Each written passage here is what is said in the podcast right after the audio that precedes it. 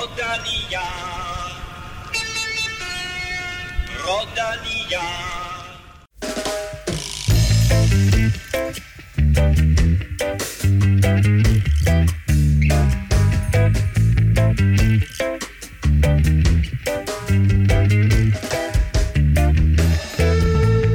Chris Froome er ude, Geraint Thomas er ude af form, og Egan Bernal er ude på noget. Vi taler Tim Ineos og Tour de France lige om lidt.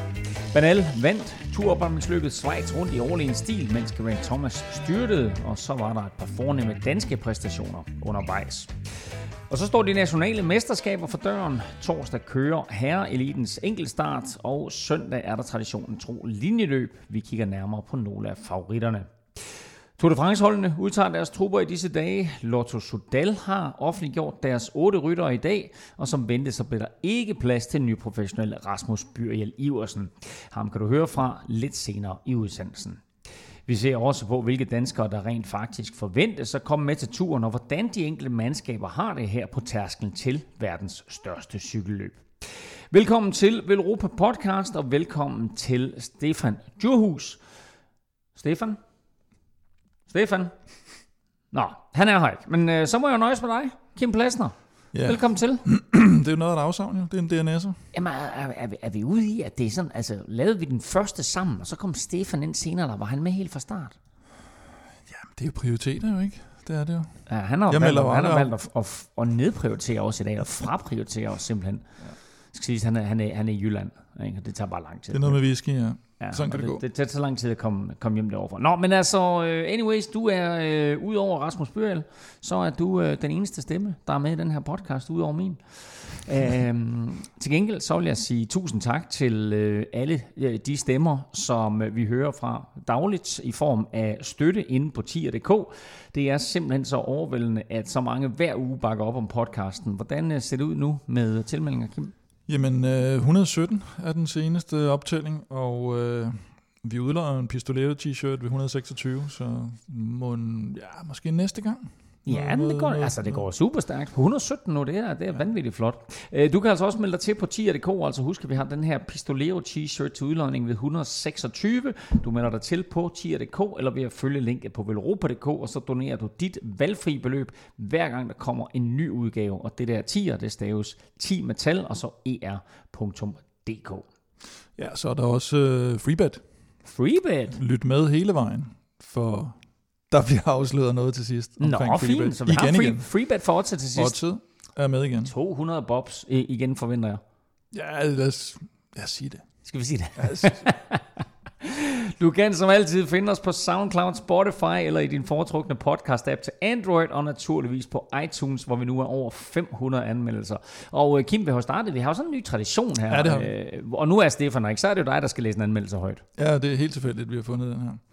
Øhm, den er fra øh, Anders Hansen. Ja. Øh, han har givet fem stjerner. Nå, Så, øh, og jeg synes, vi har haft den her overskrift før.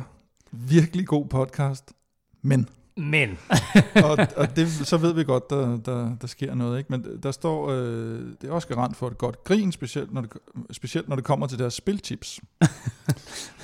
Uanset om det er staldtips, vinder eller podier, så rammer de dårligere, end min afdøde bedstemor vil gøre. Analyserne er gode og dybtegående, men for guds skyld, lad være med at lytte til spiltipsene.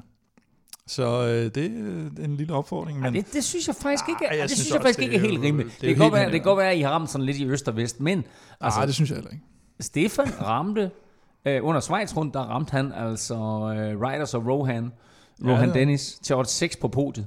Fornemme odds 6. Ja, ja. Jeg synes og, Og- også, var der ikke et par andre stykker, der gik Jamen, jeg tror da bare, jeg sagde jeg ikke uh, fuglsang på podiet i turen til odds 3, og den er jo i spil stadigvæk og sat ned i odds. Og så havde vi Geraint Thomas som vinder af Schweiz, og det var lidt svært, Ja. når han styrter. Ja, ikke? det- så den er vi jo... Der skal han lige tage at blive på cyklen. Det er ikke vores Ja, skyld. det er ikke vores i hvert skyld. fald. Nå. Nej. Så, så det eneste gældende bet ud af de tre, det eneste, der er afgjort på nuværende tidspunkt, er selvfølgelig at Grant Thomas også afgjort, men uh, Rohan Dennis til odds 6, et super odds, som han altså fandt frem i sidste uge, Stefan. Så lyt til vores spiltips, vil jeg kun anbefale. Ja, og skriv en anmeldelse, eller giv os nogle stjerner. Det vil vi være rigtig taknemmelige for, for det hjælper altså øh, til at nå ud til endnu flere cykelinteresserede danskere. Og så følg os på de sociale medier, øh, på Twitter og Instagram, der er det på Snablag Velropa, og så naturligvis på facebook.com Velropa. Mit navn er Claus Elming. Du lytter til Velropa Podcast, naturligvis præsenteret i samarbejde med Otze fra Dansk Spil.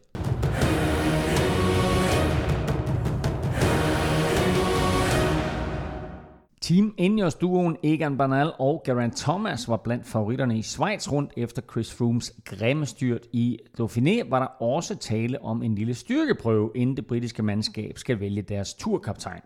Men de to stjerner led vidt forskellige skæbner. Bernal vandt løbet sammenlagt efter i den grad at have domineret i bjergene, mens Geraint Thomas altså styrtede og udgik af løbet, inden det sådan rigtig for alvor var kommet i gang. Det ser heldigvis ikke ud til, Kim, at det sådan er alvorligt med Grant Thomas, selvom han øh, ikke så godt ud, da han sad der i vejsiden. Nej, det var noget af en forskrækkelse, og specielt efter Froome selvfølgelig øh, lige havde været ude for et alvorligt styrt, så hvis et af, et og tre for sidste års øh, tur var røget ud der i løbet af to uger, så, så var det ikke rart. Men, men det, der lidt af problemet, er jo, at, at øh, Grant Thomas har lidt øh, en historik med det der med netop ikke at, at helt kunne holde sig på cyklen og, mm. og, og derfor ikke har slået så meget igennem, som han måske egentlig kunne, ud over tursejren sidste år. Ja, og, øh, fordi det var jo vel nærmest den, den eneste gang i hans øh, karriere, hvor han i et etabløb er blevet på cyklen hele vejen, og øh, samtidig øh, ikke øh, har haft en dårlig dag. Øh, og det jeg hører, det er bare, at Geraint Thomas på en eller anden måde ikke er i form, og nu misser han også Schweiz rundt, hvor han skulle have brugt de her bjerge til at få nogle, nogle, nogle bjergkilometer ind i stængerne, og, og ligesom se, hvordan han kunne klare sig øh, i konkurrence med nogle af de rytter, han også kommer til at se i turen.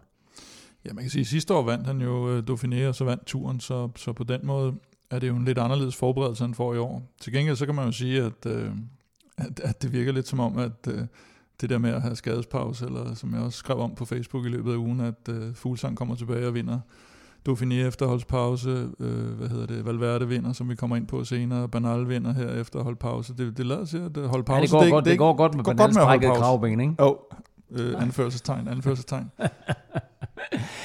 um, Vi ved også, at, at øh, den her, den her kaptajndyst, der nu pludselig er mellem Egan Bernal og, og Grant Thomas. Det var ikke meningen, at Egan Bernal han skulle være, den, med, være med i den kaptajndyst. Det skulle selvfølgelig være Froome og Grant Thomas. Nu er Froome ude, og dermed så har vi pludselig den her øh, Egan Bernal mod Grant Thomas. Grant Thomas styrter. Egan Bernal vinder i suveræn stil. Hvordan tolker du de signaler, der kommer omkring, hvad Team Ineos de vælger? Ja, men lige nu er det jo meget, øh, meget diplomatiske udtalelser. Øh, Bernal siger jo selvfølgelig, som han skal gøre, at som udgangspunkt kører han for Grant Thomas, og så er der sådan lidt, hvis han er stærkere end mig-agtigt. Og det var lidt det samme, der var sidste år med, med, med Froome og Thomas. At, øh, og jeg tror, det bliver på samme måde, det bliver kørt i år, at øh, som udgangspunkt sidste år var Froome kaptajnen, men, men Thomas skulle have lov at køre sin chance, og i år er Thomas kaptajnen.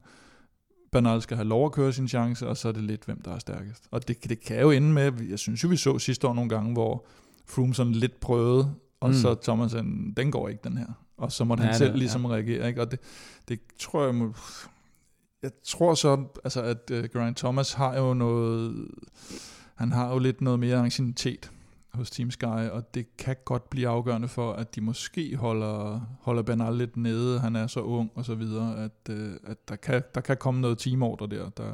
Men det kan godt blive meget interessant. Det er svært, det er svært at holde sådan en bjergraket nede. Det er det, og det kan blive rigtig interessant at se på. Øh, hvis nu jeg slukker et navn noget som Wout Poels, hvad siger du så? Ja, men det tror jeg ikke rigtigt. Jo, han kørte godt lige på de sidste, den sidste kilometer en etape i Dauphiné, men jeg tror egentlig, jeg tror ikke, de tror på, at han han ja, har, nej, han har ikke, jeg, det tror jeg sgu ikke rigtigt. Jeg tror ikke rigtigt, men det vil da være... Altså, det er bare, altså, jeg, jeg, jeg tænker bare nu her, ikke? Altså, situationen er jo bare markant anderledes efter, at Froome er ude, og efter Grant Thomas styrter. Mm.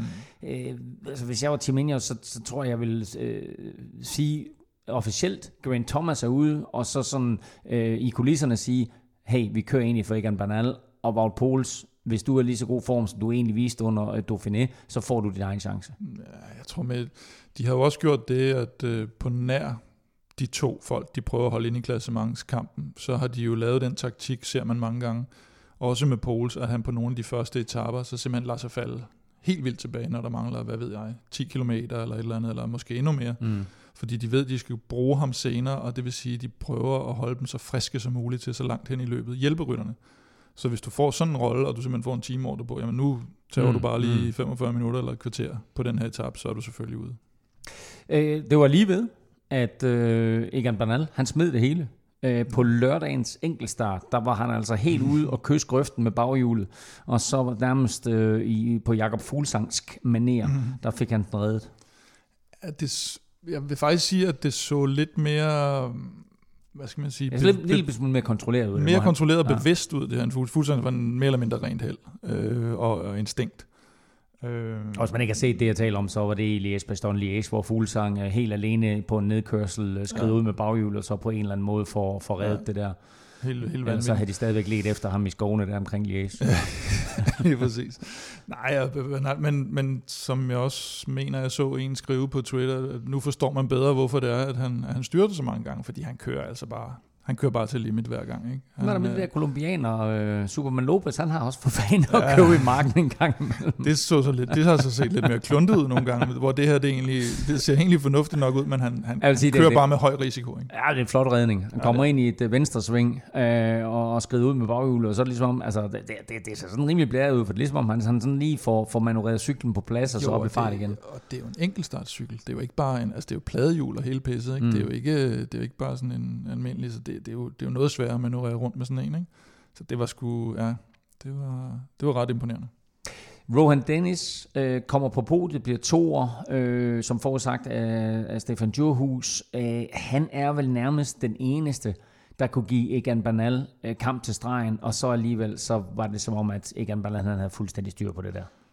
Ja, der var meget, meget langt op til, og det var jo også, Rowan Dennis havde måske også håbet på, at han kunne tage føretrøjen efter enkeltstarten, men det var han heller ikke sådan rigtig i nærheden af, for så kunne der have været en, i hvert fald noget, noget øh, lidt spænding på den sidste etape, hvor, hvor, hvor Dennis selvfølgelig prøvede, men han var alt for langt bagefter, og, og er jo ikke bedre end Bernal i bjergene.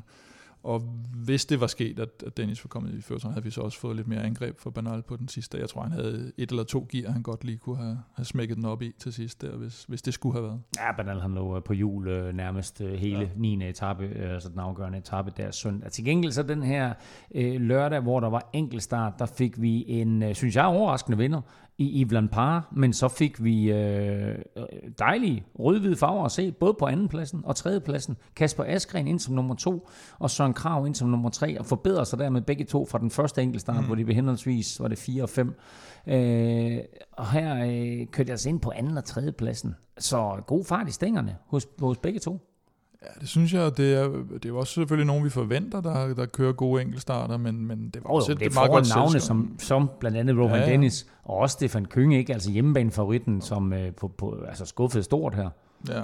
ja, man kan sige, at Dennis har måske brugt lidt, lidt for mange kræfter i bjergene, hvor de andre kunne spare sig lidt, men, men det er nogen, men, men det er også det er et niveau, vi synes jeg faktisk, vi forventer at se de to i efterhånden. Søren Krav har jo, har kørt så mange gode enkeltstarter. Altså det er Kasper Eskren, du taler om her, ikke? Altså, Begge to. Ja, jamen, jeg ved godt, jeg, ja, jeg er godt klar, at du taler om Søren Grav, og ham forventer vi en del af, men altså Kasper Askren er jo, vi har talt om ham så mange gange, ikke? altså en komet, og så ja. pludselig sidder du og, og, og siger, at vi forventer det af ham. Jamen, jo, for det, jo, men nu er han også tidligere, var det ikke U23 øh, europamester i enkeltstart, ikke? Så, altså, det var jo egentlig det, han startede med at være, det var enkeltstartskytter, mm. og, og med den motor, han har, har, har vist i den her sæson, så, så, forventer, ja, så forventer man nærmest en top 10 hver gang fra ham på, på en enkeltstart. I, i, øh, i, I godt, eller hvad hedder sådan noget, stærkt selskab, ikke? Og et, et virkelig, virkelig stærkt selskab, og, og, og et stærkt selskab har han jo også, Kasper Askren, når, når det kommer til, og det kommer vi også til at tale om senere, men når det kommer til at skulle udtages, øh, til det kønne Quicksteps turhold. Kommer han med, kommer han ikke med? Øh, I sidste uge, da vi ligesom nævnte de syv ryttere, øh, der skulle være foran ham, der nævnte vi faktisk ikke Yves Lampard. Kører Lampard så ikke på det her mandskab med den enkelte start? Jo, det kan godt Nævnte vi ikke ham? Nå, det kan godt være. Jamen nu er Dries Stevenins er jo kommet lidt med ind i billedet nu, som det ser ud til. Og, Dries Stevenins. Dries Stevenins. Dries Stevenins som, øh, som også kørte godt i, i Schweiz, mener jeg det var. Og øh, det er bare, øh, jeg skrev lidt med Askren i dag, og han, han siger at han ikke ved det, i hvert fald nu har man kommet med i turen. Det ved jeg så ikke, om han bare ikke må sige, eller, eller, eller hvordan. Det, det kan man jo ikke rigtig klandre dem for. Øhm, men, men det er, det er rigtig mange gode rytter, de har på det hold, og der er rigtig mange, der gerne vil med. Fordi det, det er et vinderhold, og, og det, bliver, det bliver sjovt at være med på det hold til Tour de France. Øh, Kasper Eskren øh, er jo som sagt altså øh, forårets helt store komet. Han kører altså her i Schweiz rundt, både i den gule føretrøje mm. og øh, tre eller fire dage i den hvide ungdomstrøje. Øh, endnu en solid præstation. Ja, men det er bare, igen, vi har, ja, som du siger, vi har snakket om det mange gange, og det, det, det er sådan lidt uvirkeligt i forhold til, at det er sådan, ja, halvanden, eller en, en sammenlagt en sæson inde på, på World Touren, han er mm. nu, ikke? Og det, det er bare imponerende, og det, men det er vel også noget med, at det går ud fra, øh, når, når, man, når man først ligesom ved, man kan være der, så, øh, så er det lidt nemmere at blive ved, tror jeg.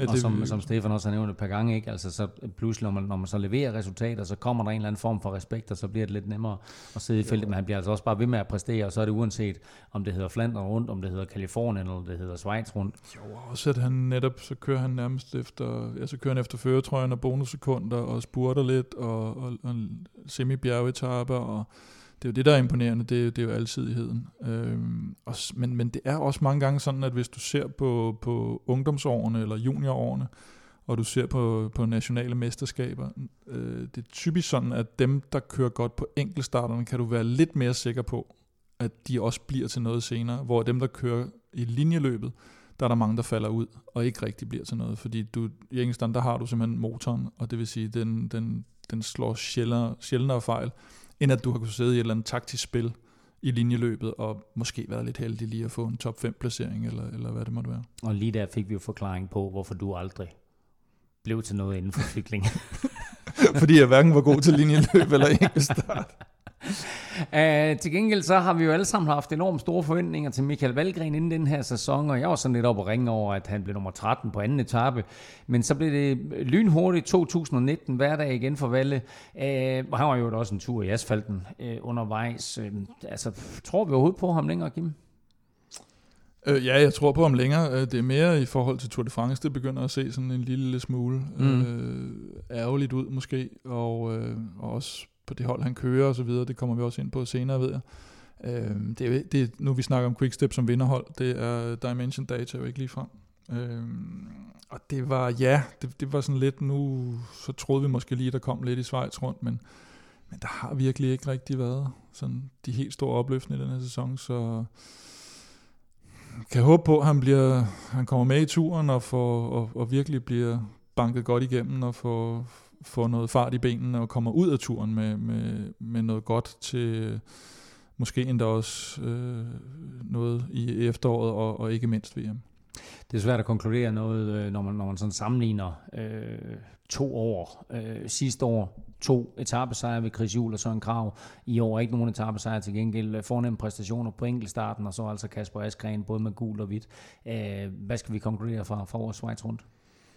Nej, men jeg synes ikke, det Schweiz rundt og Dauphiné er jo altid de der lidt specielle størrelser, hvor, hvor nogen jo kører fuld gas, og nogen egentlig bruger det ikke som træning, men eller, jo, løbstræning ikke? Og, og forberedelse til, til turen, og nogen er forskellige steder i, i, i deres formtop, så, øh, så det er svært at konkludere sådan helt med det, men problemet er nok, at problemet er for dem, der, der, der ikke er bare nogenlunde op på niveau de, de får det svært i Tour de France. Vi taler meget mere Tour de France lidt senere, men først der skal vi... Quizze! Kim, ingen Stefan i dag. Og dermed det bliver nemt. ja, det er i hvert fald en større chance for, at du vinder, kan man sige. øh, men øh, ingen point at kæmpe om. Øh, Et point, sagde du? Jeg sagde ingen. Ingen point at kæmpe om. Altså, du kan ikke få et point, når han ikke er her. Nå. Øhm, men uh, du skal naturligvis ikke snydes for en quiz. Men vi skal, skal jeg, jeg synes lige, vi måske skal spole lidt tilbage til sidste uges quiz. Med hvad? For der forstår jeg, at der åbenbart har været mange protester. Der er en del, der har lagt en 50'er i dommervognen på, på Twitter. omkring, at den var relativt fejlbehæftet. Ja, hvad var det, hvad var det quizzen var? Det var, der var to, der var to rytter, sagde jeg, som Udover havde... Fuglsang, der havde vundet... Ja, Liège og, øh, og, Dauphiné. og Dauphiné. Og øh, de to, det var selvfølgelig Eddie Max og Bernard Hinault. Og så var der lige åbenbart Alejandro Valverde også, som var der mange, der pointerede. Øh, det indgik ikke i, øh, i det tweet, øh, jeg havde set, og det indgik tydeligvis heller ikke i det tweet, som du havde set. Og dermed Nej, jeg, snød, jeg nåede slet ikke at svare jo. Dermed havde snydt ligesom Stefan havde snydt, så når I begge to snyder, så tænker jeg, så kan pointene ikke gå tilbage. Men øhm, Så den er annulleret, siger du. Det er godt. quizzen i den her uge omhandler ikke Tour de France, men derimod øh, DM i linjeløb, som vi skal tale om lige om lidt. Fordi øh, de sidste fem år Mm. er DM i linjeløb blevet vundet af fem forskellige ryttere. Mm. Men én rytter har været på podiet tre af de fem år. Hvem? Altså, det er dagens quiz til dig, og til alle jer, der sidder og lytter med derude. Og Kim Plesner, du er alene, sammen med 7.000 andre. Tre, år, tre af de fem år. Tre af de fem år har han været på podiet. Du er alene sammen med 7.000 lyttere derude, og til jer alle sammen, lad nu være med at google. Der er nationale mesterskaber over det meste af Europa og også i Danmark, hvor der i weekenden køres enkeltstart torsdag og linjeløb søndag, og det foregår i Esbjerg. I år der er der altså rigtig mange gode navne med ved enkeltstarten, og spørgsmålet det er, om unge Johan Prise Pejdersen også kan banke de store kanoner i, skal vi kalde det, voksenklassen, som Martin Toft og Kasper Askren, efter at han jo ved U23-mesterskaberne knuste verdensmester Mikkel Bjerg. Øhm, hvad siger du til det? Hvor har vi pludselig en outsider her? Det har vi i den grad. Det, det er der ikke nogen tvivl, fordi det var ikke sådan 2-3 sekunder, han, han vandt med. Det var, det var ret fem store minutter. tids... ah, dog ikke.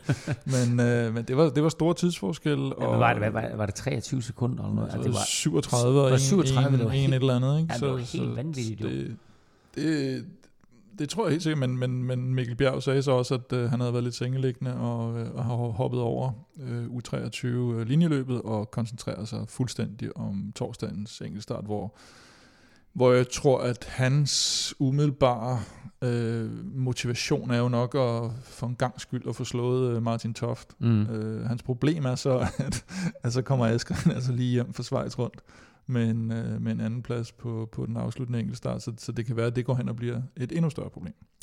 Og så læg mærke til navnet Johan Prise Pejdersen, et øh, stort talent, som altså har muligheden for at øh, blive vores næste øh, store, øh, hvad skal vi kalde det, øh, enkeltstartsrytter, men også en mand, som vi måske og forhåbentlig får at se på World Touren ganske snart. Stefan er øh, DNS i dag, øh, men alligevel så har han sådan taget sig sammen til at lave en, øh, skal vi kalde en stjerneparade til torsdagens mm. DM i enkeltstart. Og Kim, du har fået lidt fingre i listen. Øh, det er ikke med 5, 4 og så videre stjerner, det er med 3, 2 og 1 det, stjerner. det er lidt sløset lavet, Ja. som vi måske Ja. kunne forvente. Ja, præcis. Øh, til gengæld er det meget uh, to the point, eller hvad man siger. Tre stjerner. Øh, tre stjerner Askren, Kasper Askren med tre stjerner.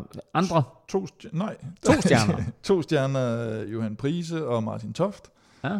En stjerne Mads P. og Mikkel Bjerg. Og det er det. Det er simpelthen det. Okay. Øh, jeg sidder også og tænker, der er vel ikke er der andre, som vi ligesom kunne komme i tanke om, der kunne blande sig? Nej, altså jeg vil sige... Det er Søren Kragh er ikke med, skal lige Søren. Krav er jo ikke med. Nej. Øh, Rasmus Kvade plejer godt at kunne banke en, en, en nogenlunde fornuftig enkeltstart af, vil jeg sige. Og, øh, og så er der selvfølgelig Mathias Norsgaard, der, Mm. mm. bliver, der også kører top 3 på U23'eren, men, men som måske heller ikke virker i sådan den helt skarpeste form i øjeblikket.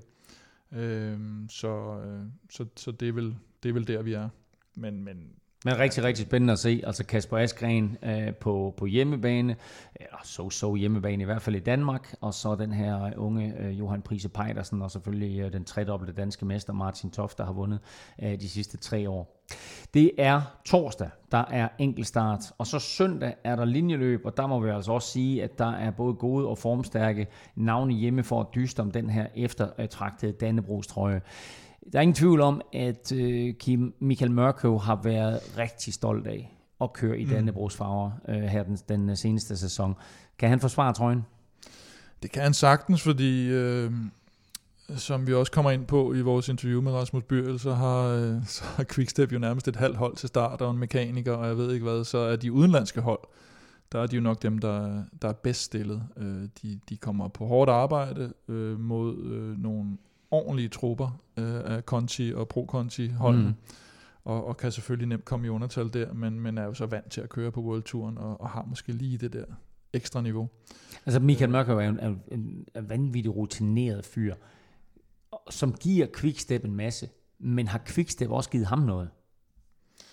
Ja, altså, det er vel først, da han kommer til Quickstep, at han, han får det der prædikat som, som måske verdens bedste lead-out-rytter eller hjælperytter. Og... Nå, men du vinder ikke som lead-out-rytter.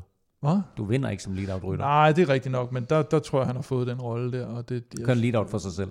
Ja, jeg, jeg, ja i DM i hvert fald, men jeg, jeg tror ikke, han rigtig har kunne forvente, forvente mere, at, da han kommer til Quickstep, at det er det hold. Ja, altså det, det vil være øh, utopi at tro på, at de med de sprinter, de har haft på holdet med Kittel, med Cavendish, med Viviani, at han kommer ind der og bliver første sprinter. Det, det, det, Nej, men det er ikke det, jeg siger. Jeg siger bare, altså, altså, selvom han er så rutineret og har så mange år på banen, øh, er der så en eller anden form for aura eller mentalitet, eller måde, man gør ting på hos Quickstep, som Michael tager med sig nu?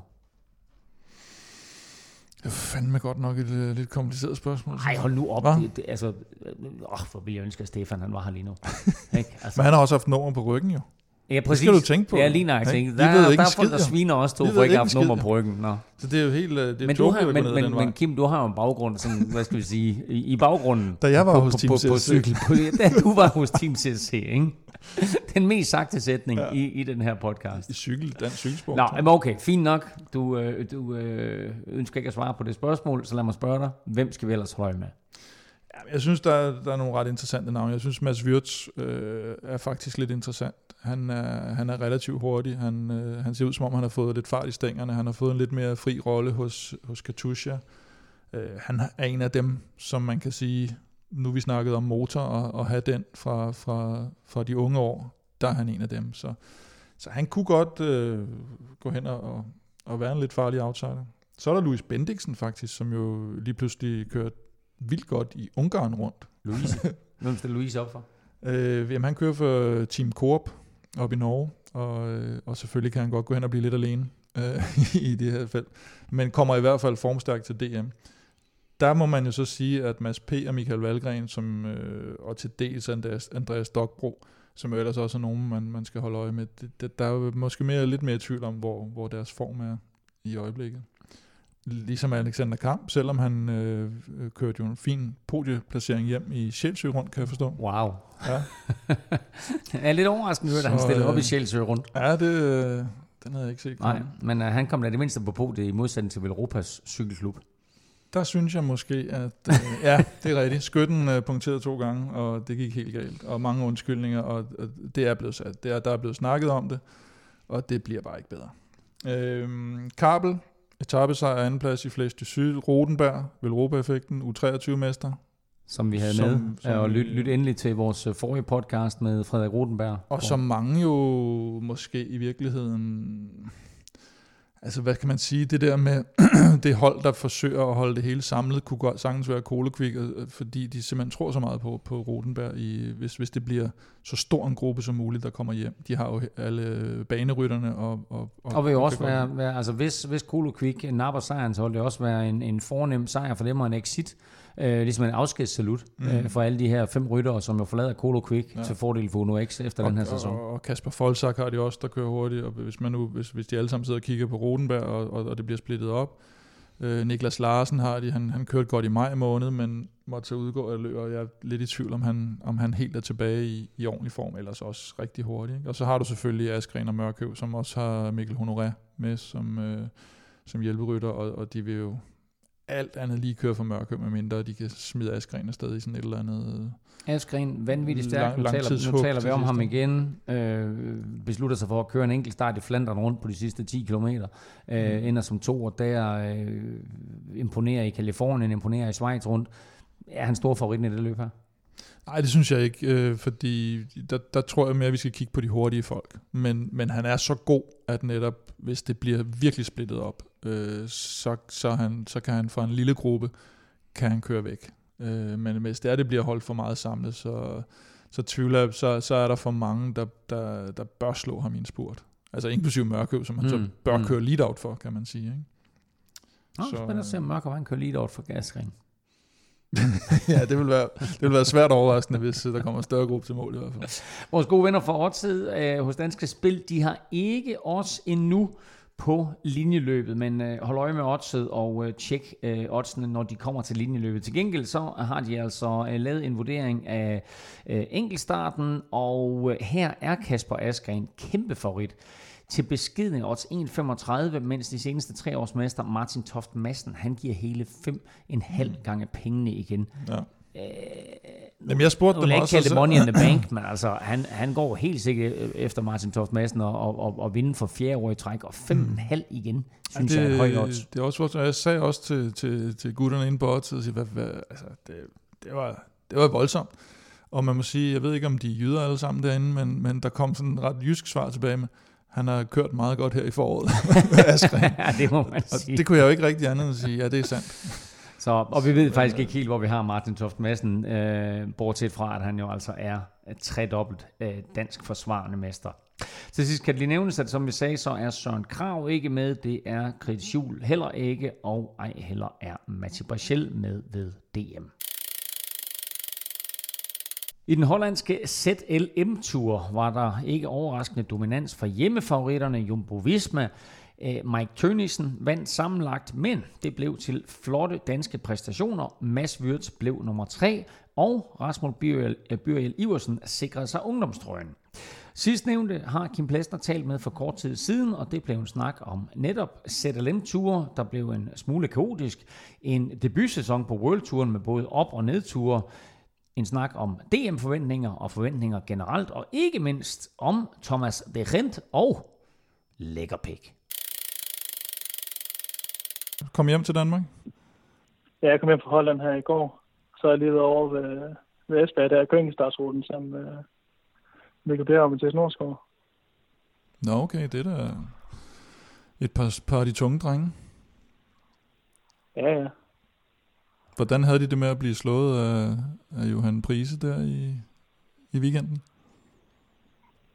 Vi synes bare, at han kører, kører imponerende stærkt, men det er jo irriterende, når det, når det ligesom er dem, der er kongerne af enkeltstart her i Danmark, ikke? Så det er altid irriterende, tror jeg. Ja, det var noget af en justering, øh, de fik. Nej, det var det sgu. Men, øhm, men altså, han kører bare, han kører så stærkt, Johan, der. Så det er jo, de fortsætter bare med at arbejde hårdt, og så bliver de ved og blive bedre og bedre, tror jeg. Ja. Hvad hedder det? Hvad med dig selv? Og nu kører du enkeltstartsruten, øh, men du har vel ikke sådan en, en super ambition om at, at for eksempel ramme podiet på enkeltstarten, eller hvad? Nej, det har jeg ikke. Det, er, det er mest for, for at træne disciplinen. Vi har ikke, uh, vi har ikke så mange enkeltstarter her om året, så det, jeg tager ligesom det enkeltstarter, jeg kan få. For, for ligesom at træne så meget som muligt. Ikke? Jo, og hvad så med, hvad så med linjeløbet? Du er jo du er den eneste rytter for Lotto Sodal, eller, eller laver I nogle alliancer?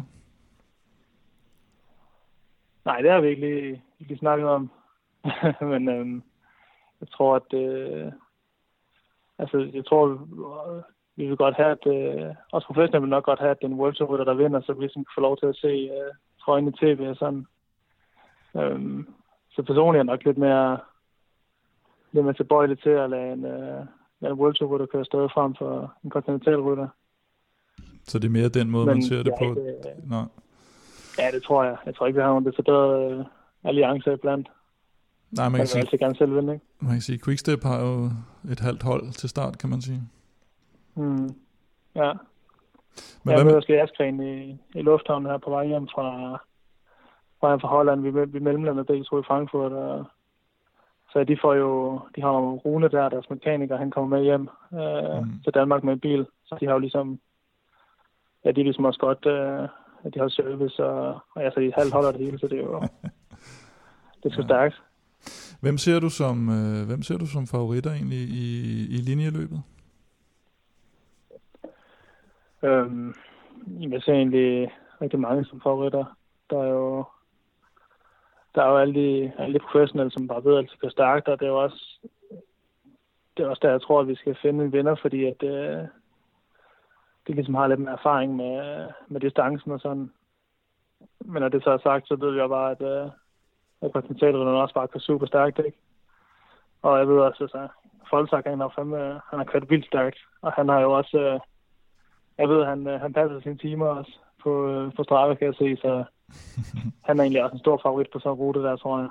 Ja. Jamen, jeg, Ask, Askren øh, sagde også i dag til mig, eller skrev i dag til mig, at øh, han, var, han var lidt nervøs for, øh, hvor hurtigt de kører øh, pro-konti-rytterne og konti ja. fordi det ved, det ved man jo egentlig ikke rigtigt, når man kommer hjem. Der. Hvordan er niveauet egentlig i forhold til det, man, man ligger og kører? Nej. Nej, nej, men altså det er jo... Jeg har jo kørt lidt herhjemme i år, og jeg ved jo, at det er ikke noget, der, der kommer af sig selv, vel? Så, altså det, jeg tror, hvis man kommer med en, øh, med en holdning om, at det er, at man bare kan køre, køre kontinentalruterne ud af jul, så, øh, så bliver man måske nok selv kørt ud af jul, før det sker. Du havde, øhm. du, du, du havde lidt en, en hård oplevelse sidste var hjemme at køre, men, øh, men her i, i sidste uge, der, der tog du en form for revanche, kan man sige, på udebanen, og, og snuppede ungdomstrøjen i ZLM-tur. Hvordan, øh, ja. det, det, det, det lader til, at det betød lidt for dig sådan at komme, komme igen, eller hvad skal man sige? Jamen altså, det var her i ZLM-tur, det var faktisk første gang i, i år, det ligesom var med, med frem og køre en, øh, køre en finale igen. Øh, det var jo det var egentlig bare en, øh, en stor forløsning at få lov til at køre igen. Også bare ligesom, at man ligesom får noget igen for alt det arbejde, man ligger i det. Det er det, det, er det virkelig dejligt. Ja. Men det har bare været en, en lang, og, lang og hård sæson indtil nu, men man må bare blive ved med at arbejde hårdt, og så, så håbe på, at, øh, at det vinder på et tidspunkt. Og det tror jeg, det er ved at gøre nu. Der var lidt, øh, der var lidt ballade på den ene etape, da, da det, det store norske skur, som Stefan plejer at kalde ham for, øh, Armand Grønte Alliancen, han vandt. Øh, og, og blandt andet en af dine holdkammerater brokkede sig lidt bagefter. Der var, der var jo motorcykler og biler, og jeg ved ikke hvad på opløbsstrækningen. Så du noget af alt det, eller hvordan? Ja, men jeg sad faktisk øh, i den gruppe der, øh, da vi kom ind på omgangene. Men øh, så får jeg lige taget en, øh, en lidt for, lidt for hård føring, inden, øh, inden vi, inden vi rammer modstand første gang, hvor jeg så ikke lige har fået at vide, at der er, at der er spurgt øh, for bonussekunder. Så er jeg trækker så imod, øh, jeg imod modstregen, og så spurgte de bare alle sammen forbi, og så er der huller, så kan jeg bare ikke lukke det igen. Mm. Der var jeg sgu ristet. Men øhm, det, der så sker, det er, at vores, øh, vores interne radiokommunikation er lige på pause, fordi at vores sportsdirektøren har en punktering på sin bil. No. Øhm, så han var lige udløbet lidt, så vi har ikke nogen information om, at der lige var, at der var spurgt. Og det, der så sker ind på omgangen, det er, at, at jeg tror, jeg hørte bag på det derefter, at, at radiokommunikationen fra, fra organisationen var også gået ned. Så de har ikke vidst, hvornår de skulle lukke, lukke omgangen helt ned eller sådan noget for trafik, fordi da vi kom ind på omgangen der, så lå, øh, så lå der kommet modkørende biler og og der holdt også biler i, i kørebanerne og sådan noget i, i venstre side inde i rundkørslerne og sådan. Øh, så det, det ender simpelthen med, at øh, der er en, der er en, en uh, motorcykel, der, der bliver påkørt fra en civilbil. No. Øh, på, på grund af, at der ikke er styr på det her, tror jeg. Øh, og så vælger vi så at korte en omgang af, og af en eller anden grund, så, ja, så får de så kun det at vide fra, øh, jeg får Jumbo til at starte med, og så kommer de op to kilometer før mål og, og fortæller, at, øh, at nu, nu skal I spurte om, om sejren.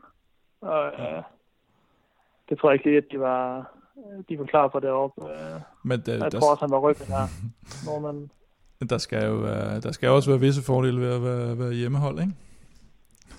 jo, jo, og det var da sikkert også det samme, hvis det var i Belgien for os. Ja, det skal jeg ikke kunne sige. Nej, nej, nej, nej. Men, øhm, men ja, der blev lige kortet en omgang af, og så det, det var sgu lidt kæreste hele dagen, og så ved jeg ikke, om det lige var, om der var lidt motorpæk til sidst, eller sådan, det skal jeg ikke lige kunne sige. Nej. Nej, det så lidt underligt ud, det der. Hvad hedder det? Øhm, dit hold har udtaget øh, Tour de France-holdet i dag. Øh, du er ikke selv mm. med på, det er der nok ikke så mange, der havde regnet med heller. øh, men hvad har, du, hvad har du fået af meldinger omkring, altså hvad jeres øh, forventninger er til turen, og, og det, det er sådan relativt stærkt hold og lidt, lidt øh, bredt hold, og så selvfølgelig med Caleb Ewan som en slags mm. spydspids, ikke? Ja, altså jeg har ikke hørt deres øh, officielle målsætning, men det bliver jo at jagte tabelsejre. Det er jo en, øh, der er lidt en, ja, lidt en blanding mellem øh, nogle punchers, øh, som Tish og Tim Vallen, som ligesom er, er super gode til de her, og også Thomas Deren, som er god til øh, at gå ud på, på etaper, og, og ligesom altså tage en enkelt etape, en de hårde bjergetapper, og så også øh, at Caleb, som selvfølgelig også er et godt bud på, på mange af spurterne. Så jeg tror, det de har prøvet at, at dele holdet sådan lidt op, og så de har et tog, der er rimelig fleksibelt til at, øhm, og gå med på de andre de andres tog, og så kan han øh, forhåbentlig spurt øh, få med at tage en sejr. En etappesejr, så har vi altså også øh, udbrudsetapperne, som vi vil gå efter, tror jeg. Ja. Ja, fordi oh, jeg har selvfølgelig, der er selvfølgelig andre end uh, Roger Kluge også, men du siger simpelthen Thomas de Gent. Mm. Ja, på, på etappesejr, ikke? Nå, men uh, det er mere, hvordan du udtaler hans efternavn, jo. Der Nå, er vi vant ja. til herhjemme at sige Thomas de Gent. Nå, men det er ikke bare alle navne med dansk sang herhjemme, eller? jeg ved ikke godt hvad. Men det er mere, det skal vi da have indført, så. Jeg synes, det lyder smukt. Altså, det er rent? Det er rent. er du ved at vente til det flamske dernede? Nej, men det ved jeg ikke. Jeg tror, når vi... Det er sådan, vi snakker om internt og sådan, så er det ligesom bare den måde, det kommer ind på... Øh, kommer ind på, på tungen, ikke? Jo. Så jeg ved sgu ikke. Det, så... Men ja, altså, jeg er ikke, det, er ikke, det er ikke, fordi jeg kan snakke sprog eller noget, men uh, jeg synes, det er, det, det er et smukt sprog. Ja.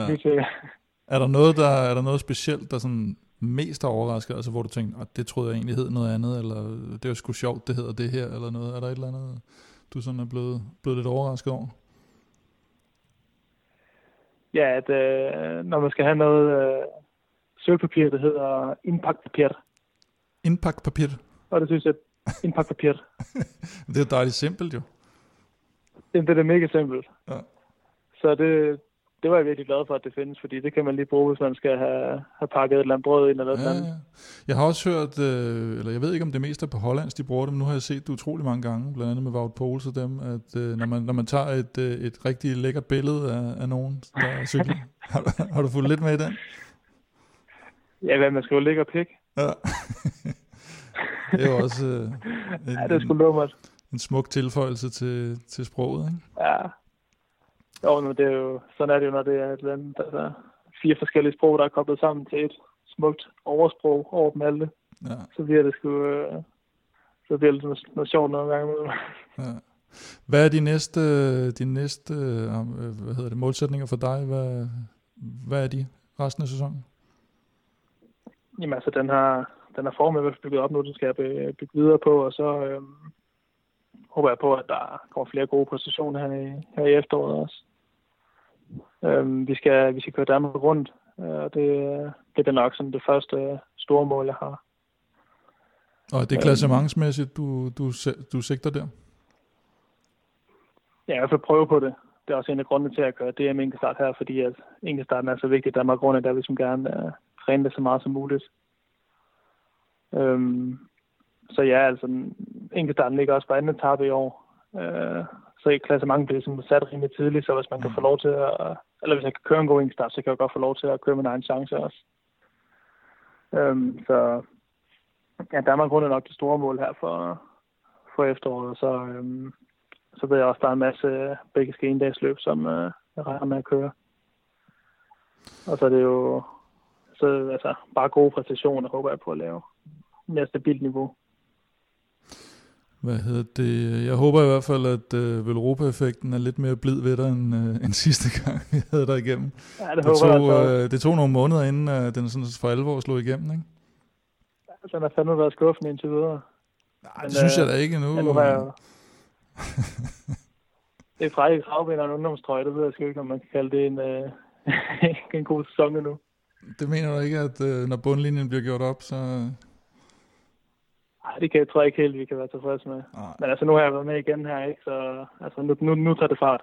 Ja, det tror jeg også. Det tror jeg også. Ja. I hvert fald øh, held og lykke med DM og med resten af sæsonen. Tusind tak. Kim, vi har tidligere været inde på, eller Stefan har det vel mest været, øh, om øh, Rasmus Bøger Liversen har niveauet til World Touren, eller han er blevet kastet sådan lidt øh, for tidligt for løverne. Hvordan vurderer du det? Ja, det så ikke. Nu kom han lidt skidt fra start også. Øh, havde ikke så meget Europa-effekt i, i starten mm. af, af sæsonen. Og øh, har, har kæmpet lidt for at komme tilbage og, og var, var hjemme i Danmark og fik lidt tæsk. Og, og jeg tror, det var på baggrund af det, at Stefan han sådan begyndte at sådan overveje lidt, okay, øh, det var sådan lidt sjov måde, han kom ind på World Touren ved at have kørt de her mindre løb ned i Italien, og, mm. og til gengæld have, have vundet meget, og så øh, og overraskende for mange, han, han fik chancen, men nu viser det sig, at det ikke, det er ikke det stærkest besatte løb, ZLM Tour, og nu så jeg, hvem det er, han ligger og blander sig med i den samme stilling. Det, altså, de top 10 er, er relativt hårdt besat, men så, så bliver det lettere, så, så man kan ikke sige, at fordi han får den her ungdomstrøje, så nu er han slået igennem, eller nu, nu har han niveauet til World Touren. Men det er et skridt på vejen, og som man selv siger, det, nu, nu skal formen ligesom holdes ved lige og udbygges, og, og så synes jeg, det bliver spændende at se i Danmark rundt, hvor, øh, hvordan han kan køre der og, og så videre. Men øh, han har i hvert fald den rigtige indstilling. Det, det er jeg ret sikker på. Hvor langt øh, talentet bærer, det må vi, det må vi se. Og så alt andet lige, øh, når man har fået så mange tæsk, som han har her i, i sin første sæson, så må det bare gøre godt for selvtilliden og løbe afsted med ungdomstrøjen. Ja, ja, og det kunne man også se øh, i, i den måde, han... Altså, det, var, det var tydeligt, at det var han glad for, fordi det, det er klart, at øh, en hvilken som helst oprejsning er god der, kan man sige. Så skal vi lige have en øh, stribe små forskellige artede nyheder fra den for, øh, sådan forgangne øh, ja, 4-5-6 dage her. Og øh, vi lægger ud i Rut øh, d'Occitanie, øh, tidligere kendt som øh, Rut du Syd. For her valgte Alejandro Valverde igen efter syv ugers skadespause og næsten fire måneders sejrstørke. Valverde vandt foran Ivan Sosa, og Rigoberto Oran kom ind på tredjepladsen. Verdensmesteren Kim, tilbage, som vi kender ham. Ja, det er han åbenbart godt af lige at, at, at blive rekalibreret, eller bare kalibreret. Han er jo ikke den eneste. Vi har talt om nej, nej, det er nok, men, og øh, Egon og... Men Valverde plejer at køre sådan der, ikke? Ja. Så, så det, var, det var back to, back to usual. Og øh, ja, det, det var vel egentlig... Det ved jeg sgu ikke. Ja, der var jo også lidt... Øh, vi havde været lidt inde på, om, om han nu var blevet lidt mæt efter det der mm. verdensmesterskab, men nu vandt han første etape og holder den og vinder samlet og sådan noget. Så, så nu og han har jo heller ikke set sådan specielt godt ud i foråret, og så tager han den her pause, og så kommer han tilbage, mm. og så vinder han faktisk. Vi taler selvfølgelig meget Dauphiné, og vi taler meget Schweiz rundt som de store opvarmningsløb, men det her er jo faktisk også et opvarmningsløb mm. med øh, et hav af, af giftige stigninger, øh, og sågar det, man kalder bjerge. Øh, så det her det er en vigtig sejr for ham. Jo, og det podie der med, med, med Sosa og Uran, det er jo ikke, det er ikke helt tosset. Det er ikke... Det, det er lidt stærkere besat end ZLM-tur i hvert fald. Ja, det, det må Uden man at sige. Men, vores men, men spørgsmålet er så, med Froome ude, med Grant Thomas måske ude af form, med Roglic ude, med Dumoulin ude, giver det her Valverde en slags blod på tanden til at gå efter en tursejr? Nej, det tror jeg slet ikke. Uh, jeg tror rent faktisk, What? at han... Nej, det, altså, jeg har svært ved at se, at han skulle vinde en uh, Grand Tour overhovedet igen, og jeg tror egentlig, han mener det, når han siger, at, at han kører i holdets tjeneste til, til Tour de France, selvom når han tidligere har sagt det, så har det været en lille smule svært at, at se ud på landevejen, at, at han kører sådan super meget for, for de andre. Og så, men vi er jo tilbage der til i Movistar, at de kører, nu, nu kører de igen med de der tre, som de gjorde sidste år, og de Quintana, helt Landa og Valverde. Ja. Ja, de har ikke udtaget et endeligt hold endnu, men de tre er meldt ud, at de kører. Ja, de er jo med i en brutotrup på, at det ikke ni mand, og de skal kun sortere en fra, så, så de kan næsten ikke ende med andet end at tage mm. dem med, og Max Soler er faktisk også med. Øhm, og det, det, de faldt jo fuldstændig igennem sidste år. Øhm, nu kan man sige, at øh, topniveauet i, i turen er måske lige faldet lidt med, med Dumoulin og, og Froome ude, og Geraint Thomas måske lidt skadet. Så de har selvfølgelig større chance, og man må håbe for dem, de vinder mere end holdkonkurrencen i hvert fald. Og, øh, men, men Quintana så ikke alt for godt ud i, i, øh, i opvarmningsløbet her.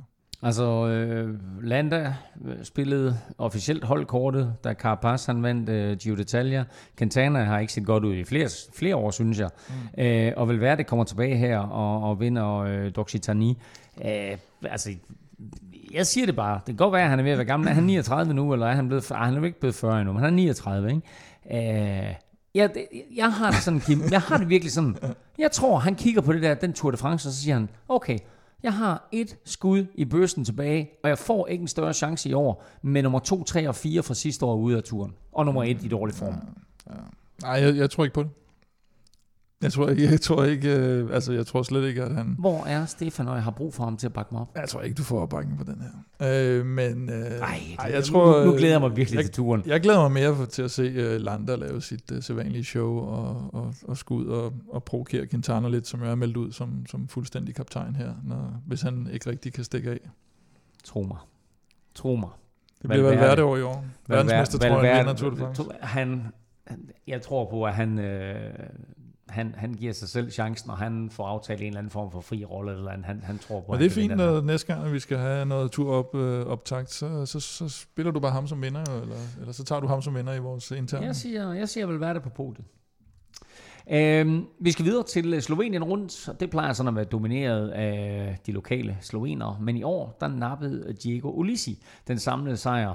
Øh, Giancomo Nizzolo vandt den afsluttende etape. Det var hans anden sejr i år, og blot Dimension Datas femte i alt, og alle fem er jo vundet af, af henholdsvis Nizzolo og så Edvald Borsen Hagen det er ikke, altså, det har ikke været nogen god, det er også der, hvor Michael Valgren jo kører nu og så videre, det har ikke været nogen god sæson for, for Dimension Data, og øh, det går heller ikke sådan skide godt for en af de større profiler, men også en her, der er ved at være oppe i årene, Mark Cavendish.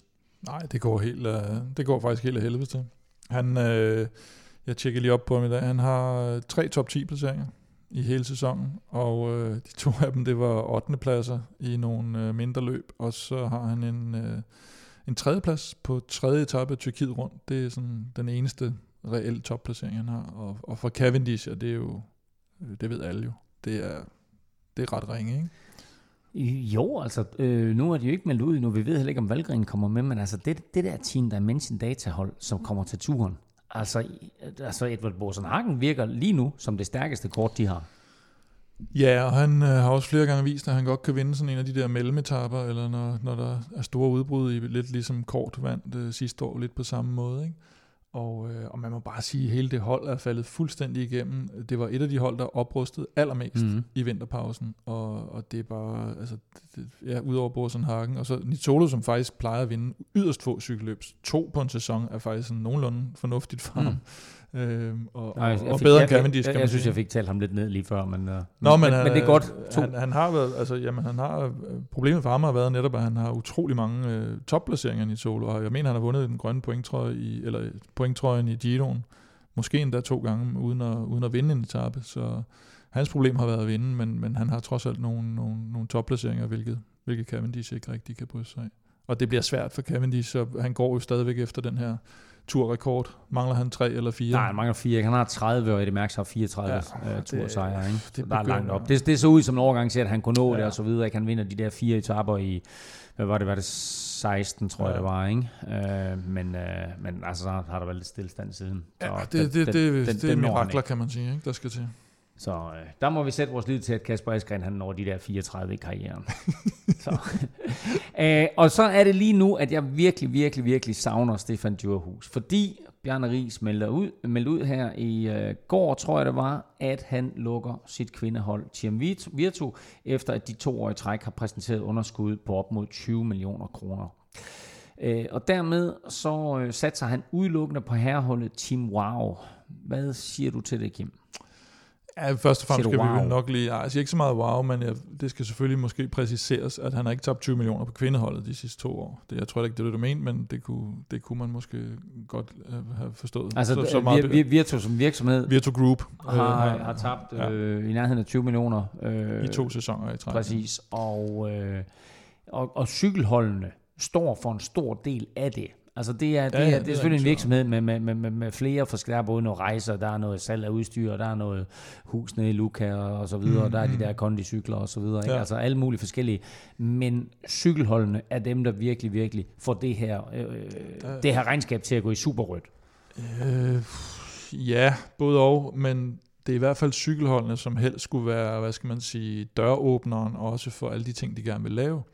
Fordi når du har, øh, eller havde du for eksempel et øh, World Tour hold, som Bjarne tidligere havde, så åbner det jo nogle døre til de sponsorer, der for eksempel vil være med og kan få, hvad ved jeg, VIP-adgang i forbindelse med Tour de France osv. Men hvis ikke du er med til alle de her ting, så er det noget sværere at skaffe, at skaffe dig adgang. Så, så der er ikke nogen tvivl om, at det har også hele tiden været deres, øh, været deres vision, at de skulle, de skulle op på World Tour niveau, og, øh, og, de skulle, og de skal nok helst øh, gøre det inden 2021 i Danmark. Men nu står de lidt tilbage med netop, som du siger, en, en række udenomsprodukter og øh, et kvindehold, som jo faktisk var det, der var på højeste niveau, der så er lukket ned, og så et, øh, et kontinentalhold, hvilket jo er det laveste niveau inden for, for, for, for herrecykling, og med meget, meget, meget få profiler på det hold, også hvis du ser på de, på de andre kontinenter. Altså det er jo heller ikke sådan, de er dominerende på kontinentalniveau. Og så har de rival øh, Readiness, der har overhalet dem lidt indenom i forhold til at, at komme op på, på pro-kontinental og, og, og arbejde lidt med nogle, med nogle lidt større danske navne også. Jeg øh, forsøgte at få en kommentar fra Bjarne Ries i dag, øh, og skrev til ham tidligere, men han er ikke vendt tilbage, så det er altså ikke et spørgsmål, om han ikke ønsker at deltage, han er simpelthen bare ikke øh, vendt tilbage til mig. Jeg vil ellers gerne øh, lige have hørt, hvordan og hvorledes, men øh, fordi også han, han kom med en kommentar i går til øh, nogle af de skrevne medier, om at øh, Team Wow nu er øh, finansieret fuldt ud, at de har sponsorer der, så altså øh, ambitionerne om at få et pro-konti-hold i 2020 skulle være på plads, øh, og så kræver det en eller anden form for, for økonomi, for at de rent faktisk kan købe sig til en af de her øh, første to pladser. Øh, hvis man er, er seedet et eller to øh, efter 2020, så får man automatisk en plads til, øh, til turstarten i Danmark i 2021, og det kræver altså investeringer, for det behøver ikke nødvendigvis resultater. Det kan godt bare være, at du har nogle ryttere, der har resultater. Så de ryttere, der har klaret sig godt i 2020, køber du dem ind til dit hold i 2021, så pludselig så får du automatisk en rangering som 1 og 2. Øh, og det kunne godt være den måde, som øh, Bjørn Ries og Co. de satte sig på at få den her turstart i 2021, fordi øh, som jeg fortalte øh, i sidste uge også, Kim, så var jeg ude at cykle med Bjarne i, i, i den øh, i sidste uge øh, i øh, Frankrig i forbindelse med cykelnaven, øh, som er Skleroseforeningens øh, øh, velgørenhedsprojekt, og der sagde han direkte, at de satte sig stenhårdt på at få den her øh, turstart, øh, mm. altså et wildcard øh, til, øh, til 2021 i Danmark. Men altså man kan sige, alt det vi snakker om nu, står og falder med, om man kan finde de rigtige sponsorer. Med mindre selvfølgelig, at uh, Lars Seier og Jan Bæk, de lige pludselig siger, nu går vi sgu bare ind og betaler gilde, fordi vi synes, det er så vigtigt, at vi kommer med her. Men ellers så står og falder det med at finde sponsorer. Det er det, der, det, er det, der har gjort, at de er nødt til at lukke kvindeholdet, at de ikke har kunne finde de fornødne sponsorer. Det er det, der har gjort, at de ikke er kommet på Pro Conti World Tour endnu, at de ikke har kunne finde de rigtige sponsorer. Så det er der, den ligger, og øh, det man kan sige, det er, at nu er de blevet overhalet indenom. Det begynder at se en lille smule sort ud. Men jeg vil også sige, at hvis de lige pludselig får hul igennem, så tror jeg, at de kan tage turen lidt hurtigere op i hierarkiet, end, end for eksempel Rival kan, på grund af, at Bjarne ligesom tidligere har haft det. Altså han, med, med, de, med de rigtige penge, så kan han lettere sådan ligesom trykke på knappen, og så er han helt op på, på topniveau igen. Så, ja. så det bliver spændende at se. De forskellige World Tour hold, de begynder til gengæld sådan stille og roligt at få deres turtrupper på plads. I dag, der har Team Wanting Group Gobert og Lotto Sudal meldt ud, hvem de tager med til Tour de France. Hos Lotto Sudal, der er der sådan flere velkendte navne imellem, som øh, Caleb Ewan, Thies Beno, Tim Vellens og Thomas de Gent. Og øh, som Rasmus Bøhl var inde på, så skyder de altså lidt med spredhavl i turen i jagten på etappesejre i år. Øh, Wanty stiller ikke med så vanvittigt mange kendte rytter, men et navn øh, ringer dog en klokke hos de fleste, nemlig øh, Gillian Martin. Og tidligere, der har Jumbo Visma, og det er altså et godt stykke tid siden, at de har, de vel sagtens det første mandskab, der meldte deres endelige trup ud til turen. Øh, men Jumbo Visma, de udtog en trup uden Roglic, men med Krausweig, og så i det hele taget kommer de med et øh, stærkt besat hold bestående af Dylan Grønevæggen, Wout van Aert, der får øh, debut, Tony Martin, George Bennett, Omon Grøndal, Jans, hvad hedder han, Lawrence de Plus og, og Mike Tønnesen det her det virker som et meget, meget homogent hold. Ja, de har, øh, de har virkelig et højt bundniveau, må man sige. De har øh, Kronevæggen for, øh, for, for øh, Wout van Aert, og det, han får øh, den, det store norske skur, som vi kalder Grundal Jansen, og øh, Mike Tønnesen, der lige vandt ZLM-tur foran øh, Amund, som han hedder. Ja, ikke og, Omon, han er Amon Grøndal Jansen. Ja, og, øh, og så har de Tony Martin, som ligger sådan midt imellem det hele, kan, kan, kan godt lige sidde og slide lidt opad også, og bliver øh, elementær i holdtidskørselen, og, og nogle gange faktisk også øh, en del af, af, af lead som en af de første rytter. Og så har de så øh, George Bennett og, og det plus til at, at, at støtte øh, Krogsvejk. Så det er et, et spændende hold, Øh, jeg tror måske mest på sprintsejr, ikke så meget på klassement. Altså, øh, han blev fem år sidste år, Krausweig, ikke? Øh, og, øh, men der havde han så også, der havde de den der et, et, et, one-two punch med ja, ham og Roglic. meget offensivt, ikke? Jo, men altså, altså det, det, så, det så super godt ud for dem med de to sidste år, de var i topform, og jeg tror, du har fuldstændig ret i, at, at han får det svært i år. Øh, Krausweik øh, til gengæld, så ligner Dylan Grønevæggen altså øh, lige nu den hurtigste mand i feltet. Øh, det er klart, at der kommer nogle øh, rigtig, rigtig interessante opgør med ham og, og Viviani og Gaviria. Øh, til dels Mark Cavendish, hvis han kommer tilbage. Og hvem tænker jeg mere på? Jeg så i øvrigt også, at André Greibel er udtaget. Ikke at han kommer mm. til at blande sig sådan rigtigt, men, men han er der, der trods alt. Ja. Øh, lad os tale øh, lidt omkring danskerne, og øh, hvem vi ser som 100% sikre, og hvem vi sådan er mere tvivlsomme omkring. Jeg gætter på, at Jakob Fuglsang kommer med. det vil være svært overraskende, hvis ikke han gjorde Kort er nok øh, næsten lige så sikker hos øh, Astana. Ja. Og så har vi jo øh, Jesper Hansen hos Kofidis, der mm. vist sig lidt frem også. Tidligere Astana-rytter. Øh, og, og, og ser også som helt sikker. Øh, og så har vi jo Quickstep-drengene, øh, Mørkøv og Askren. Hvor er vi henne der? Mørkøv 100%? Nej, det er meget. Jeg tror nærmest kun, det er Viviani og Alaphilippe nærmest, der måske Gilbert, der kan, der kan vide sig 100% sikker. Mm. Øh, men, men det vil undre mig, hvis, øh, hvis ikke Mørkøv kom med. Og altså det, det, prøv at, det er faktisk en af de fede ting nu her op mod turen, det er at finde ud af og se, hvilke rytter det kønne Quickstep de tager med. Altså, de har så mange ja, gode rytter at vælge imellem. Der er nogen, der vil blive monsterskuffet der. Ja, det vil der næsten uanset, uanset hvad. Ikke? Og så Askren, jeg ved ikke, hvad vi skal smide på af procenter, men, men den er jo den er vel over 50. Fitti, fitti. Ej, jeg synes, den er over. Uh, han, har simpelthen vist, han har simpelthen været for stabil, og kan for mange ting til, at... Uh, jeg tror, jeg vil skulle nok tage ham med i hvert fald hvis det var mig, der sad. Og... Dimension Data har to danskere, en Michael Valgren, ja. der inden sæsonen var 100% sikker på at komme med, og nu kan man godt begynde at tvivle mere, og så Lars Bak, der står foran sin uh, Grand Tour nummer 12.000. 8 millioner, ja.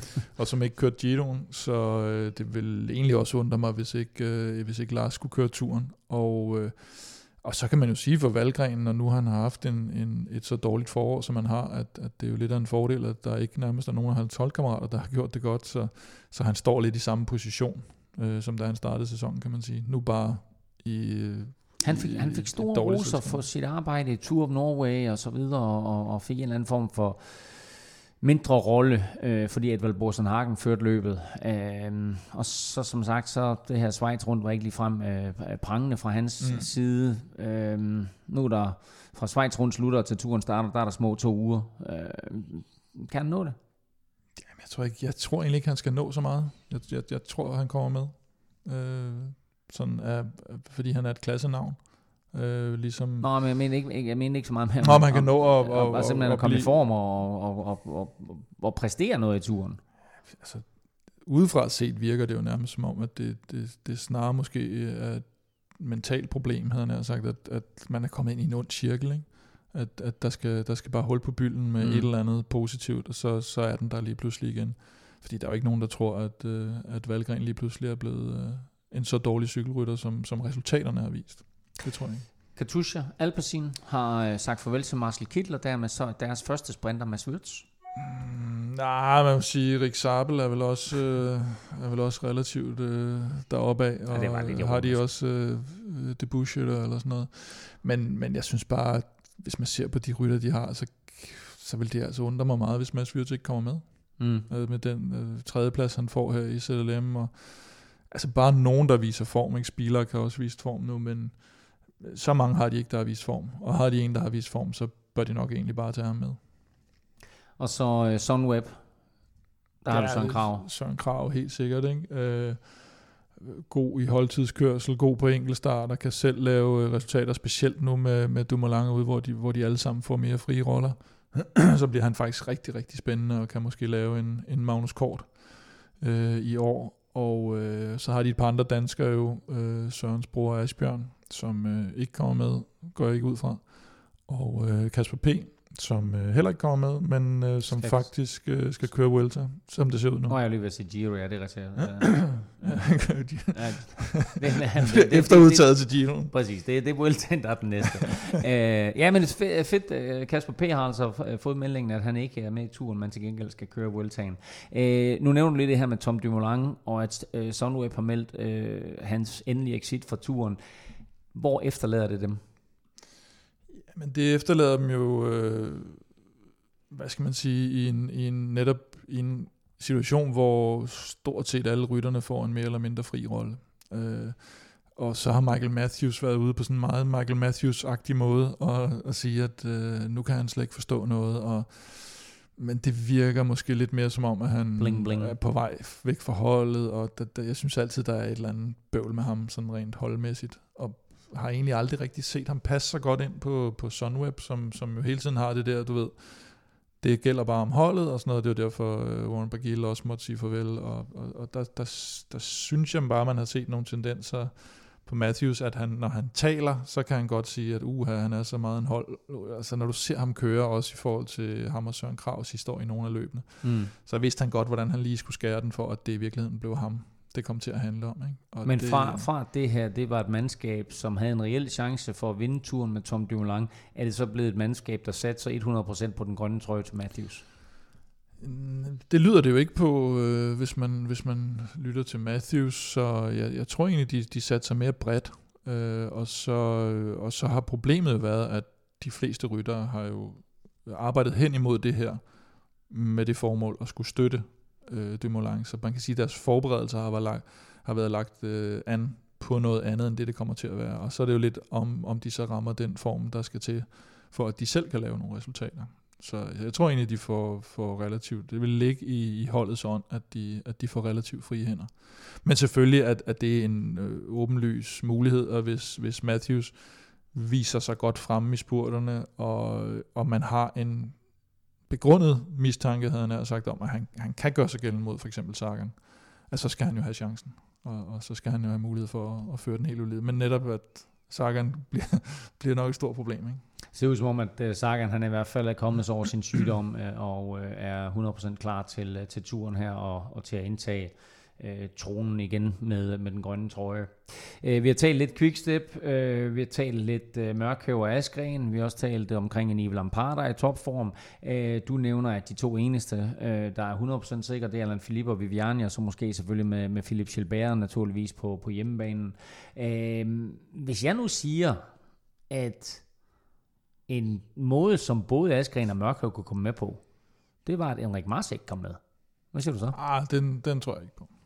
Men hvor, hvor, hvorfor, hvorfor skulle de tage sådan en enkelstående øh, klassementshåb, som jo ikke engang er et håb, hvorfor skulle de tage ham med, og så ikke bare sige, prøv at høre, vi satser på alle de der øh, små etaper med lidt kuperet, vi satser på sprintetaperne, øh, og så, og så udelukkende køre øh, sådan et hold, i stedet for, at det er sådan, at de har sådan et, et ensidigt, eller et enkelt håb i noget klassementsaløje.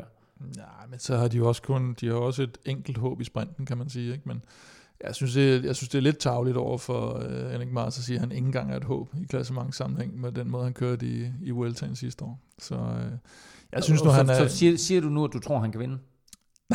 nej, nej, nej, det tror jeg ikke. Jeg tror ikke, han kan vinde Tour de France. Men så jeg hvad, tror, han kan køre... Du?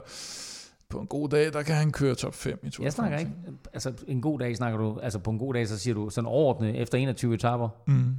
Top 5? Mm. Henrik Mars? Ja, ja. Okay, her er min hånd ikke? Det, kan, det kan lytterne ikke se. Nu giver dig min hånd. Det er det vedmål her men nu. Du, du kan slet ikke huske, hvad nummer han blev i, i Vueltaen sidste år. Det kan jeg da. Hvad blev han? Han blev nummer 4. Nej, han blev ikke. Hvad blev han så? Blev han ikke nummer 2? Det ved jeg sgu da ikke. Ja, det er jeg ret sikker på, han gjorde. gjorde han det? Ja, det synes jeg er ret, ret imponerende. Så gjorde han det alligevel. Ah, okay. Hvis, hvis, hvis det er rigtigt, så trækker jeg min, uh, min lidt hårde ord tilbage. Jeg siger bare, at de har jo ikke... Så det, altså det hold, vi ligesom har sagt et par gange her, at vi forventer, at de tager med, det er jo ikke et hold, der som sådan ja, det er optimeret også... til at kunne køre for ham trods det, at i sidste ende, øh, så, så har jeg lidt fornemmelsen af, at det er Patrick Lefebvre's øh, øh, dagshumør, der afgør i sidste ende, hvis der ligesom er nogle tvister. Så, så er der jo også noget med, hvem der er blevet lovet hvad, og så videre. Ikke? Og, og jeg tror, at, at, øh, at trods det, at, at Mars også bliver sendt til Movistar næste år, så tror jeg, at han, han får chancen i Tour de France.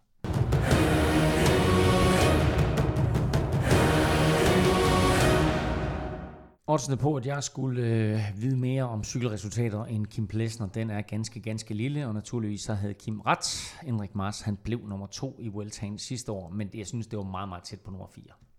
Ja, det var dobbelt så langt fra. vi skal have nogle øh, spiltips på banen i samarbejde med Odds for Danske Spil, og den her gang, der kan vi jo faktisk vælge mellem DM i enkeltstart og Tour de France. Kim, hvem har du taget som Europas vinder? Øhm, Jeg tager faktisk uh, Grant Thomas som turvinder. Uh, jeg tror sgu på, at de holder ham som kaptajn, og jeg tror på, at han når at, at komme sig over sit styrt, og så giver han altså odds 4 for den forsvarende turvinder. Det synes jeg er ret godt.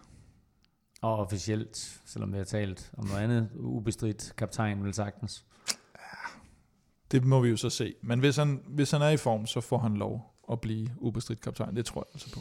Ja, ja, okay. Den får du lov til at stå lidt alene med. Den Jeg der. tror ikke, jeg tror ikke Egon han har nok øh, på bagagebæren øh, til at, at kunne gå ind og, og lave lidt mytteri Nej. ombord. Jeg, jeg må indrømme, jeg glæder mig meget til at se Geraint Thomas i turen, og se, om han er i form.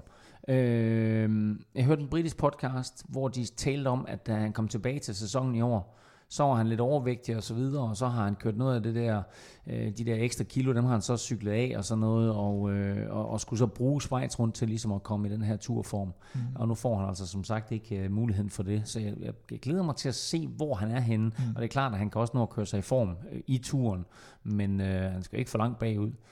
Nej, men det er også, altså det er ikke sådan en, man siger, det er en no-brainer eller noget, men, men det er mere også det der med, at odds 4 på, på den forsvarende mester, ikke? Det, Mm. Det, det synes jeg altså er et, øh, et, et sats, der er værd at tage, måske. Vil Europas vinder Geraint Thomas til at vinde Tour de France til odds 4. Stefan, in absentia, Ja, der skal vi have Stefans staldtip. han er jo øh, on fire, jo, må man sige, Ja. og, og jeg vil også sige, at øh, hvis, Aha. ikke han, hvis ikke han havde taget det her... hvis ikke han havde taget det her staldtip, så havde jeg nok brugt den i plæstens pose. Okay. øh, men øh, Johan Prise Pejlersen der, der vinder U23 enkeltstarten i top 3 på, i eliten til odds 6. Mm. Det, og så samme odds som Rohan Dennis sidste uge. Ikke? Så jeg ser en øh, fortsættelse der, og den... Øh, jeg vil næsten æde min hat på, og når, vi har, når den her podcast udkommer, så går der en halv time efter vi er udkommet, og så er det også sat ned, sat ned fordi så er 25 procent af vores lytter har været inde og spille på... Øh, Øh, Så vil jeg anbefale et, at man hører podcasten hurtigt. hvordan, hvordan vil du anbefale det? Det jeg ikke, men nu gjorde jeg det. Ring rundt. Og så vil Ring jeg ind. anbefale, at i det øjeblik, man har hørt den, så hop ind på oddset. Ja. og øh, spil Johan Prise Pejdersen i top 3, øh, den her 20-årige komet, som altså vandt U23 DM, og nu stiller op i, i gås øjne i de voksnes øh, DM enkeltstart også. Og så skal vi have Plesners podie. Hvem har du valgt der? Men altså, det, det bliver så et sats til gengæld, og et meget voldsomt sats. Ja. Øh, og det er øh, egentlig på baggrund af, at øh, som Byrel sagde, at Kasper Folsak er godt kørende og sådan noget, og han er banerytter, og så øh, en virkelig outside chance. Øh, Folsak i top 3 på øh, enkeltstarten til, øh, til odds 60. Så også 60. Ja, det er også voldsomt. 60. Det er voldsomt. Han giver 300 igen. Kasper. Folsak i top 3. Ja. Altså, jeg er ret overbevist om, at han kører i top 10. Mm. Men der er selvfølgelig et stykke vej op i, Ja, til top 3. Ikke? Men jeg synes også, det er, det er et meget voldsomt odds. godt. Men så har du altså både Johan Prise, ah, det var faktisk Stefan, der havde det, Johan Prise Pejdersen i top Mhm. 3, og Kasper Folsak i top 3. Så mangler vi kun den sidste. Når jeg er i top 3, Ja. ja. ja må ikke Askren, han også lægger sig deroppe. Men det vil næsten være for fedtet at spille ham som Europas vinder. Ikke? Ja, men, så, Så, øh, øh, men det vil så også øh, betyde, at øh, Martin Toft altså ikke befinder sig i top 3. Ej, jeg, vil, jeg vil også sige, at øh, skal vi være realistiske, så er det ikke sikkert, at, øh, at, øh, at, at folk så... Så Anders, hvad var det han hed? Anders Nielsen, det, ja. der havde anmeldelsen af os. Den her må du ikke bruge imod os. Det Nej, men til bare- gengæld så vil jeg sige, at det er et voldsomt, voldsomt højt odds. Hvis det er, at... Så øh, skulle Kasper Folsak, en formstærk Kasper Folsak, komme i top 3 til DM i enkeltstart, så kan du altså hente odds 60 på det hos øh, oddset på Dansk Spil. Når du spiller en 10'er hos 10'er.dk på Velropa Podcast, så er du til gengæld sikker på gevinst hver uge. Vi har altså, som Kim nævnte i begyndelsen, nu 117 faste støtter, og det sætter vi vanvittig stor pris på. Du kan også støtte os på 10'er.dk. Beløbet det er valgfrit, og du donerer hver gang vi udgiver en ny podcast. Og som tak for alle donationer, der trækker vi lod om fede præmier blandt alle, der støtter os. Og du finder link både på velropa.dk og på 10'er.dk. Vi trækker lod om den her lækre Pistoleo t-shirt til en værdi af 199 kroner, når vi rammer 126 tilmeldte på 10'er.dk. Og Kim, så sagde du jo også, at vi skulle have trukket lod i dag om et oddset freebet på Et 200 freebet, ja. Det er, jo, øh, det er jo normalt Stefan, der står for alt det her, så jeg er en, øh, en, lille, en lille smule på udebane. Øh, men øh, du vil bare have navnet på den heldige. Har du fundet en? Ja, ja, ja, ja. Godt. Og han hedder Jens. Han hedder Jens. Jens Grud. Jens Grud. Ja. Okay, Jens er der mange af. Jens Grud er der nok ikke så mange af. Ej, Så- jeg tror, at øh, han kan nok godt vide sig relativt sikker, hvis han hører det her. Hvis han hører det her tidligt, eller hvad du siger. Hvis Jamen, han hører det ja, hurtigt. hvis, hvis han skynder sig at høre det her hurtigt. høre det. Jamen, øh, Jens... Den øh, første Jens Grud, der, der, der ringer ind. Nej, vi, har vi øh, også et nummer, man kan ringe på. Nej, vi kontakter øh, Jens på hans øh, e-mail, som jeg ikke siger her, af Ja. GDPR-grunde. Og øh, så siger vi øh, tak til Jens, fordi han støtter os. Fedt. Jamen, øh, stort tillykke, Jens. Som sagt, så får du altså et freebet lige ned i din e-mail postkasse. Og øh, med hensyn til øh, alt, vi trækker lod om her, så gør vi det jo hver uge på den måde, at man får øh, et lod for hver femmer. Man øh, donerer via tier.dk, så altså jo større beløb, jo flere lodder, og dermed jo større chance for at vinde.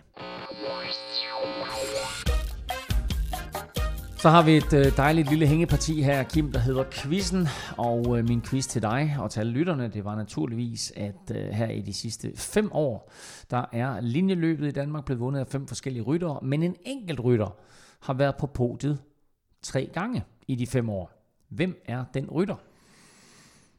Ja, jamen øh, da vi sad og snakkede lidt om det i en af pauserne her, kan vi godt afsløre, så sagde jeg, "Jamen, det er helt sikkert ham her, og så eller ham her, eller ham her, eller ham her, og så havde jeg lige Hvem, hvem er navnene, du har i spil?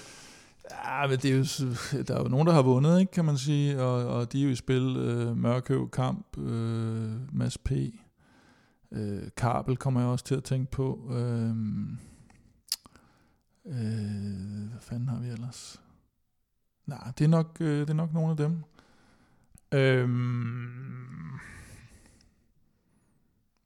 jeg har fandme ikke, øh, jeg har ikke, jeg har ikke set meget om podier.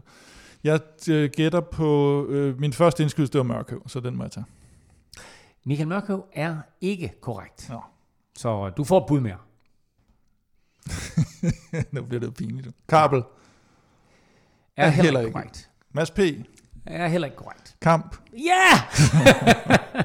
Fantastisk, Kim. Hvor er du skarp. Ej. Det var nemlig lige nøjagtigt uh, Alexander Kamp. Han blev nummer tre. I, han var ikke på podiet i 2018. Han blev nummer tre i 2017. Han vandt i 2016, og han blev nummer tre i 2015. Og så er der to ryttere, der har været på podiet to gange i de fem år, og der var du faktisk rimelig bladet, for det var lige nøjagtigt de to første, du nævnte, nemlig Michael Kabel og Michael Mørkøv. Så øh, Det var ikke helt... Øh, ej, det var ikke helt skudt ved siden af. Det, Det var lidt ærgerligt, at jeg ikke havde byttet rundt på rækken. du fik lige Mads P. fedtet ind i et eller andet der. Det skulle du ikke have. Men, Nej. øh, men de andre tre, det var altså rigtig, rigtig skarpt set. Søndag er der øh, DM, som sagt, i øh, linjeløb, og så er der noget med, at ikke bare er caféen åben, men chefen selv for hele Velropa, Hvem? universet, Nå. står bag disken. Er det rigtigt? Ja, det er vist noget med, og, jamen, øh, og der er noget med, det er jo en forfærdelig lang uh, tur, de skal ud på. Ej, jeg vil sige, så- du laver virkelig god kaffe. Nå, men jeg tænker mere på øh, rytterne, det er jo ikke 225 km. Var noget i den retning, ja. Så Det er noget med, jo ikke, hvordan er det, der? det, er- det er 100 og... De starter vist i Ribe og kører til Esbjerg, og det er noget med, den vej, de kører sådan omkring 110 km, og så skal de køre... Nej, det passer ikke. Jo, det er noget af den regn. 110 km. Jamen, det er noget af den regn. Og så kører de 10 runder i Esbjerg. Øh, og det kommer vist alt i alt op på omkring øh, Jeg tænker, 225. Jeg tænker mere på, hvornår jeg kan have fri på søndag, selvfølgelig. Ikke? Altså, det er jo forfærdeligt, ja, når de skal køre så mange efter en timer. 6-7 runder. Det er alligevel det samme, ikke? Hvis det ser lidt kedeligt ud i løbet, Ja, det så var- kan vi ikke garantere, at vi er åbne. Præcis, det var her, jeg kom ind. Nej, øh, men kom ned og se det. Måske. Bliver sendt på tv. Jeg, jeg tror, jeg er ret sikker på, at øh, en af, en af TV2's kanaler, de, øh, de, de viser DM. Så kom ned på Villeuropa Café og uh, se DM i uh, linjeløbet sammen med andre danske cykelfans. Husk, at du kan følge os på de sociale medier. Kim Plesner og Velropa finder du på snablag Velropa. Stefan Djurhus in absentia er stadig at finde på Instagram på snablag S. Djurhus, og undertegnet finder du alle steder på snablag NFL Ming. Tak for nu. Tak fordi du lyttede med. Tak til vores partner Otse for Danske Spil. Og øh, skulle du være i Esbjerg, jamen så tag det endelig ud og se enkeltstarten, altså DM i enkeltstarten torsdag, og linjeløbet søndag. Og ellers så er det bare med at komme på rammen og komme ud og nyde det gode cykelvejr.